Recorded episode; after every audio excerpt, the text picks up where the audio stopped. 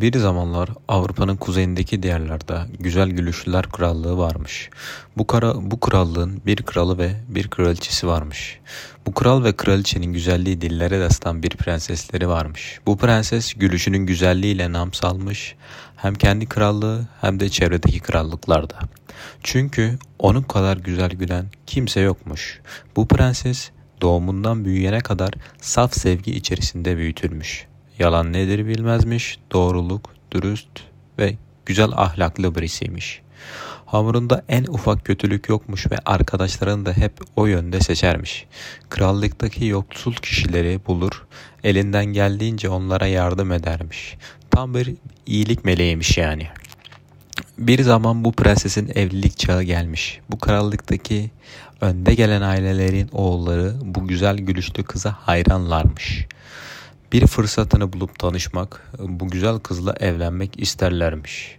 Ama ülkenin kralı hepsine bu kararı verecek olanın prenses olduğunu söylüyormuş. Kral prensesi huzuruna çağırıp fikrini soruyormuş ama prenses karşısına çıkan taliplerini biri bir eliyormuş. Çünkü kafasındaki gibi bir prens adayı hiç bulamamış. O güzel ahlaktan, dürüstlükten, doğruluktan, ince kalplikten hoşlanıyormuş. Önüne ne şatolar ne servetler serdilerse serisin umrunda değilmiş. Elinin tersiyle itiyormuş çünkü o gönlü onu çünkü onun gönlü kendisi gibi birini arıyormuş. Günlerden bir gün güzel gülüşlü prensesle aynı yaşlarda bir çoban bu prensese vurulmuş. Onu uzaktan görür görmez aşık olmuş, etkilenmiş. Ama bir türlü cesaret edemiyormuş talip olmaya. Çünkü kraliyet aileleri ne kral çocukları talip olduğu için zaten onlarla yaşamam diye cesaret edemiyormuş bir türlü. Onu yaklaşık bir yıl uzaktan takip etmiş. Hep doğru zamanı beklemiş. Hiç acele etmemiş. Bu arada çoban da çok iyi, çok mert, çok dürüstmüş. Yalan nedir bilmezmiş. Ayrıca fiziksel özellik olarak burnu çok güzelmiş. Kraliyette herkes ona burnuna estetik mi yaptırdın çoban diye sorarlarmış. O da yok doğuştan dermiş. Çoban bir gün cesaretini toplayıp kralın huzuruna çıkmış. Güzel gülüşlü prensesle tanışmak istediğini, eğer ki anlaşırlarsa evlenmek istediğini söylemiş. Kral ilk başta şaşırmış çünkü önde gelen ailelerin çocukları geliyormuş kızını istemeye. Ardından prensesi çağırmış. Prenses odaya girer girmez çobanın gözleri ışıldamış. Çünkü bu güzel gülüşü ilk defa bu kadar yakından görüyormuş.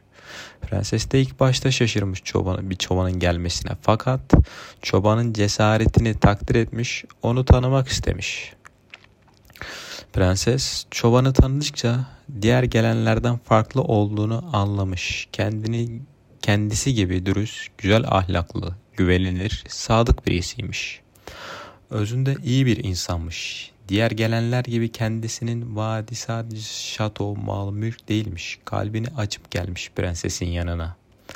İlk başlarda iyi anlaşıyorlarmış. Çoban uzun zaman sonra aradığı sevgiyi onda bulmuş. Prenses de çobanda. Çoban prensesin ince ruhuna dokunmuş. Prenses de çobanın çocuksu hallerini sevmiş. Ölüm ayırır diyorlarmış bizi. Bir zaman bunların ilişkileri bozulmaya yüz tutmuş. Bir şeyler eskisi gibi gitmiyormuş. Çoban bir gün prensese sinirlenmiş ve prensesin güzel kalbini kırmış. Ardından prenses çobandan ayrılmış. Çoban ne yaparsa yapsın, ne özür dilerse dilesin, ne söz verirse versin, güzel gülüşlü prenses bitti diyormuş. Çoban inançlı bir insanmış. Allah'a da söz vermiş, tövbe etmiş. Küçük bir ihtimal dahi olsa bir araya gelirlerse onu ömrünün sonuna kadar üzmeyip kırmayacağına, onu bir onu bir ömür mutlu edeceğine.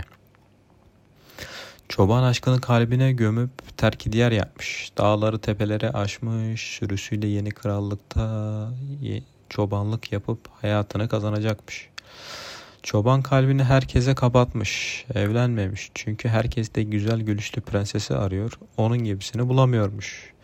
Hep bir noktada vazgeçiyor, onun hasretiyle tutuşuyor, hayatına girenlere önceki yaptığı hataların birini dahi yapmamış. Çünkü herkesi mutlu etmiş, kırmamış ama hayatına giren herkes de güzel gülüşlü prensesi aradığı için evlilikten vazgeçiyormuş.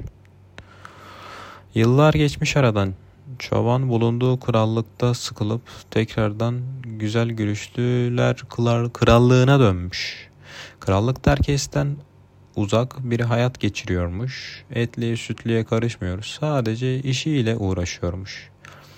Bir gün aklına düşmüş. Güzel gülüşlü prenses kimle evlendi acaba diye merak etmiş. Fazla zaman geçmeden gerçeği öğrenmiş. Prenses ondan ayrıldıktan kısa bir süre olmasa da belirli bir süre sonra evlenmiş. Evlendiği kişi ilk başta prensesin hayallerindeki kişi olsa da aradan bir süre geçtiğinde aslında amacının kraliyet ailesine girmek olduğu, prensesi gerçekten sevmediği anlaşılmış. Rol yapıyormuş yani. Prensesin aklına çoban arada gelip gidiyormuş ve çok geçmeden krallığa çobanın döndüğü duyulmuş. Ayrıldıktan bir süre sonra ayrıldıktan sonra sadece bir defa karşılaşmışlar. Denizin kenarında yalnızca bakışmışlar.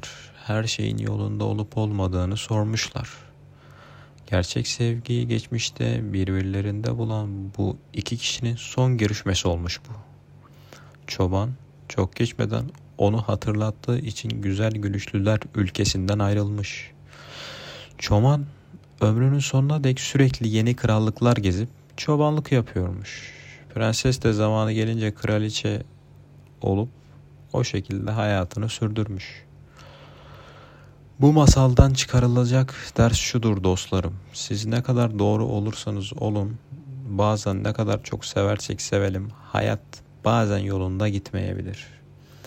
Aşık olduğunuz kişiye kendimiz olduğumuz gibi kabul ettirmeye çalışıp bir gün onu kaybedince aslında doğrunun ne olduğunu anlayabiliriz. O gelse siz eskisi gibi değilsinizdir ama onun acısı sizi değiştirmiş, doğru yola saptırmıştır. Yanınıza bir gelse ömür boyu mutlu olacaksınızdır ama olmaz. Bazen lütfen sevdiklerinizi kırmayın. Yanınızdayken değerini bilin, üzmeyin onları. Bu masal dünyanın en güzel güneşli kızına ithafen yazılmıştır.